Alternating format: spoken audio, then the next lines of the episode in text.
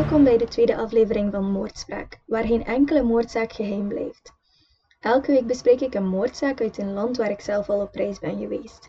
En vandaag bespreken we een bizarre plaats in Thailand, namelijk het moordeiland Koh Tao. Ik zelf ben in 2018 naar Thailand geweest en ik heb Thailand met de rugzak doorgereisd. We zijn niet op het eiland Koh Tao geweest, maar wel op het bekende party-eiland Phuket. Thailand is ook echt een land die gemaakt is op maat van rugzaktoeristen en je kan er dus echt op het laatste moment heen gaan zonder enige voorbereiding. En zoiets vind ik dus namelijk echt fantastisch. Het is ook een land met veel diverse plekken, want je kunt Bangkok niet vergelijken met het noorden van Thailand en ook al zeker niet met de eilanden. En de eilanden zijn ook vaak um, het meest idyllisch en het meest gericht op toerisme, als je kijkt naar Phuket bijvoorbeeld. Maar dan had je eigenlijk nog niet te maken gekregen met het eiland ter dood, namelijk Koh Tao. Koh Tao is een eiland dat gelegen is in het zuiden van Thailand. Het eiland heeft een oppervlakte van ongeveer 21 vierkante kilometer en telt maar 1400 inwoners. Naast het feit dat het eiland slechts een handjevol inwoners heeft, komen er wel elk jaar zo'n 20 miljoen toeristen langs. Het eiland staat bekend voor zijn prachtige stranden en jungles, maar wordt verder ook wel het Party-eiland genoemd. De meeste mensen kennen Koh onder de naam Schildpad-eiland en dat komt omdat het voor duikers echt een paradijs is. Het is een droombestemming en het is eigenlijk een must-do wanneer je in Thailand bent als duiker. Maar achter al die schoonheid schuilen natuurlijk macabere moorden en mysterieuze verdwijningen. In de afgelopen jaren zijn op Koh Tao minstens 10 vakantiegangers op mysterieuze wijze omgekomen of verdwenen. En de meesten uh, zijn eigenlijk verdwenen of gevonden nabij het strand van Saire. En dat is eigenlijk de hotspot om te chillen aan het strand met een drankje in hand. Het heeft Koh Tao, dat volgens de bewoners ook gerund wordt door uh, maffiafamilies, de naam eiland der dood opgeleverd. En ik overloop graag met jullie even de slachtoffers of enkele ervan van het moordeiland Koh Tao.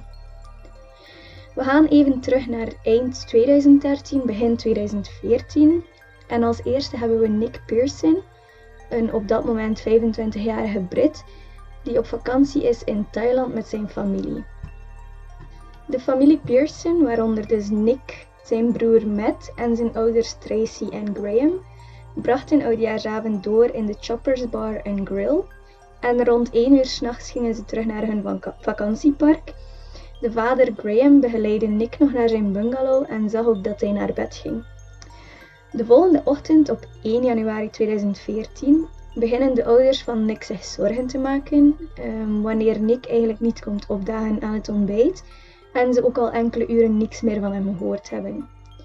Uiteindelijk ligt de hotelstaf de ouders in van Nick en ze vertellen hen dat Nick gevonden is in zee en dat de doodsoorzaak verdrinking geweest zou zijn. Zowel Tracy als Graham gaan mee naar een tempel waar ze het lichaam van Nick kunnen identificeren, maar wat vooral opvalt bij hen is de grote hoofdwonde die bij Nick aangetroffen wordt. De politie op het eiland neemt het onderzoek niet serieus en dat, is eigenlijk, dat kunnen we eigenlijk zien aan twee verschillende redenen. Als eerste zien we dat de politie van uh, de kamer van Nick niet onderzoekt en dat de agenten eigenlijk continu grapjes maken over alles. Als tweede zien we ook dat de politie meteen uitgaat van verdrinking als doodsoorzaak, maar de ouders stellen vast dat hij nooit zomaar zou gaan zwemmen s'nachts en het leek ook volledig niet dat hij uren in het water had gelegen, aangezien het bloed aan zijn hoofd nog vers leek. De broer van Nick geeft nadien ook toe dat hij gewaarschuwd werd voor powerful people on the island, of zo benoemde hij het toch, en dat de Pearsons um, beter het eiland konden verlaten in plaats van problemen te maken. Verder werd de zaak niet onderzocht en werd het geclassificeerd door de politie als een ongelukkige dood. Slechts enkele maanden later, namelijk op 15 september 2014, worden opnieuw twee lichamen van Britse toeristen gevonden. Hun namen zijn David Miller en Hannah Widridge. En ze zijn allebei 24 jaar op het moment van de feiten. Ze hadden elkaar ontmoet op het eiland en genoten samen van hun vakantie daar. Vroeg in de ochtend werden beide levenloze lichamen gevonden door drie strandschoonmakers en uit onderzoek bleek dat Hannah verkracht en vermoord werd en dat Davy ook aangevallen was en het water werd ingesleurd. Ze waren allebei doodgeslagen met een schop of een stomp voorwerp en wat opvallend is, is dat zij kort voor hun dood ook gespot waren in dezelfde bar als waar Nick Pearson, het vorige slachtoffer, ook voor het laatst gezien werd. Na het incident werd er een grootschalig onderzoek gehouden waarbij ruim 200 mannen op het eiland hun DNA moesten afgeven. Dat kwam omdat er eigenlijk bij, uh, bij bewakingsbeelden volgens de politie een man te zien was met een Aziatisch uiterlijk. Hij gedroeg zich ook verdacht op de camerabeelden um, doordat hij eigenlijk constant in de buurt van de lichamen rondliep. En op de lijken werd ook DNA gevonden wat niet van een van de twee slachtoffers was, dus daarmee het grootschalig onderzoek. Amper twee weken na de moord op Hannah en David worden twee arbeiders genaamd Win Sao Toon en Sao Lin opgepakt. Ze bekenden de moord, maar ontkenden eigenlijk meteen nadien dat ze het gedaan hadden, omdat ze beweerden dat het uit hen geslagen zou geweest zijn door de politie. Ze werden namelijk gedwongen tot bekentenis en uiteindelijk kregen ze toch allebei de doodstraf voor de moord op Hannah en David, maar tot op de dag van vandaag is er nog veel oneenigheid over het feit of ze al dan niet onschuldig zijn. Op 1 januari 2015, exact één jaar na de dood van Nick Pearson, wordt Dimitri Povse gevonden in een huurhuis op Kotel. Dimitri is 28 jaar en is afkomstig uit Frankrijk. Hij werd opgehangen teruggevonden in de bungalow die hij huurde en de dood werd ook meteen beschouwd als zelfdoding. Wat wel heel opvallend was bij deze zaak is dat Dimitri opgehangen werd teruggevonden met zijn handen op zijn rug gebonden. Dus de kans is groot dat dit ook moord was. Maar alsnog werd door de autoriteiten de zaak geclassificeerd als zelfdoding, aangezien er een afscheidsbrief in de bungalow lag.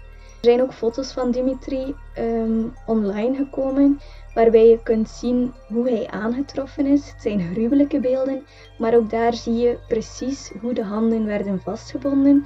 En die beelden kan je ook zien op onze Instagram-pagina. We gaan even een jaar later naar 8 januari 2016 en de dag, dat is de dag waarop Luke Miller, een 26-jarige Brit, teruggevonden wordt op de bodem van het zwembad aan de Sunset Bar. Meteen verklaart opnieuw de politie dat de Brit aan een ongelukkige dood gestorven is, namelijk verdrinking. En ook na de autopsie wordt verklaard dat Miller niet vermoord zou zijn, maar daar denkt de familie van Luke um, namelijk helemaal anders over. En ze zei, willen eigenlijk dat de autoriteiten de zaak opnieuw bekijken, maar de autoriteiten vinden het veel belangrijker om deze zaak in de doofpot te steken, zodat het toerisme van het eiland nog gered zou kunnen worden. Het vreemde aan de hele zaak is ook dat de familie van Luke nooit het autopsierapport heeft mogen zien en ze kregen ook meerdere uh, versies van de feiten te horen. Nadien heeft een vriend van Luke, James Gissing, ook nog verklaard dat zijn vriend wel degelijk vermoord werd na tal van slagen. Hij probeert ook mensen ervan te overtuigen dat een trip naar het eiland geen goed idee is vanwege je eigen veiligheid. We spoelen even vooruit naar 27 april 2017 en dat is eigenlijk het moment wanneer het lichaam van de Belgische rugzaktoeriste Elise Dallemagne gevonden wordt op het strand in Kotel. Elise was op dat moment 30 jaar en was een zelfstandige natuurgeneeskundige, yogalerares en restaureerder van schilderijen. Ze kwam ook uit Brussel, de hoofdstad van België, en verder was ze eigenlijk al twee jaar op rondreis door Azië en Nieuw-Zeeland, maar ze keerde regelmatig terug naar Thailand. Ze verbleef altijd in een yogacentrum op Koh Tao en ze was ook lid van de cultbeweging Satya Sia Baba, en woonde bij een zelfverklaarde guru. Ze had haar moeder nog gebeld dat ze zou terugkeren naar België en slechts vier dagen later werd ze dood teruggevonden op het eiland. Elise haar dood werd opgemerkt door een varaan die werd gemonitord en die ging steeds heen en weer de jungle in, precies naar dezelfde plek. Daar vonden de autoriteiten de zwaar toegetakelde Elise tussen de rotsen achter een toeristenresort. Er gingen ook geruchten rond dat haar lichaam deels opgegeten was door varanen tegen de tijd dat de autoriteiten haar lichaam vonden. Opnieuw klasseert de politie dit als zelfdoding, al kan haar moeder Michelle van Echten dit amper geloven. Haar dochter had namelijk het ticket naar huis al geboekt en dat zou het raar maken dat Elise toch nog de jungle in zou trekken om daar eigenlijk zelfmoord te plegen. De familie van Elise heeft het finale autopsieverslag ook niet gezien en krijgen amper informatie, net zoals bij de vorige zaken. Opnieuw proberen de autoriteiten deze zaak in de doofpot te steken om hun eigen reputatie en die van het eiland te redden. Ongeveer een jaar na het overlijden van de Belgische Elise kwam opnieuw bericht binnen over Dennis Wilaert, een Nederlander van 45 jaar. Hij vertrok op 24 september richting Thailand in 2018 en had dit enkel aan zijn vriendin en werkgever verteld. Hij had dagelijks contact met zijn vriendin tijdens de driewekelijkse vakantie, maar plots kreeg niemand nog contact met hem. Zijn laatst bekende verblijfplaats, je raadt het nooit, Koh Uiteindelijk kwam Dennis weer boven water en kwam hij iets later dan gepland terug van zijn vakantie. Waarom hij plots enkele dagen vermist was, weet nog altijd niemand. De slachtoffers die besproken werden in deze aflevering van Moordspraak zijn helaas niet de enige slachtoffers die gemaakt werden op het Duivelse eiland. Ondanks de verhalen over deze bizarre plaats in Thailand is het zeker de moeite om het land eens te bezoeken, aangezien Thailand uit zoveel meer bestaat dan enkel dit eiland. Er is voor iedereen wat wils, dus bezoek het zeker eens. Volgende week komt er een nieuwe aflevering van Moordspraak, waarbij we een nieuwe moordzaak zullen bespreken. Heb jij een bepaalde zaak die je zeker wilt horen bij Moordspraak? Stuur me zeker een bericht via Instagram of een mail naar moordspraak.gmail.com. En bedankt voor het luisteren. Tot volgende week.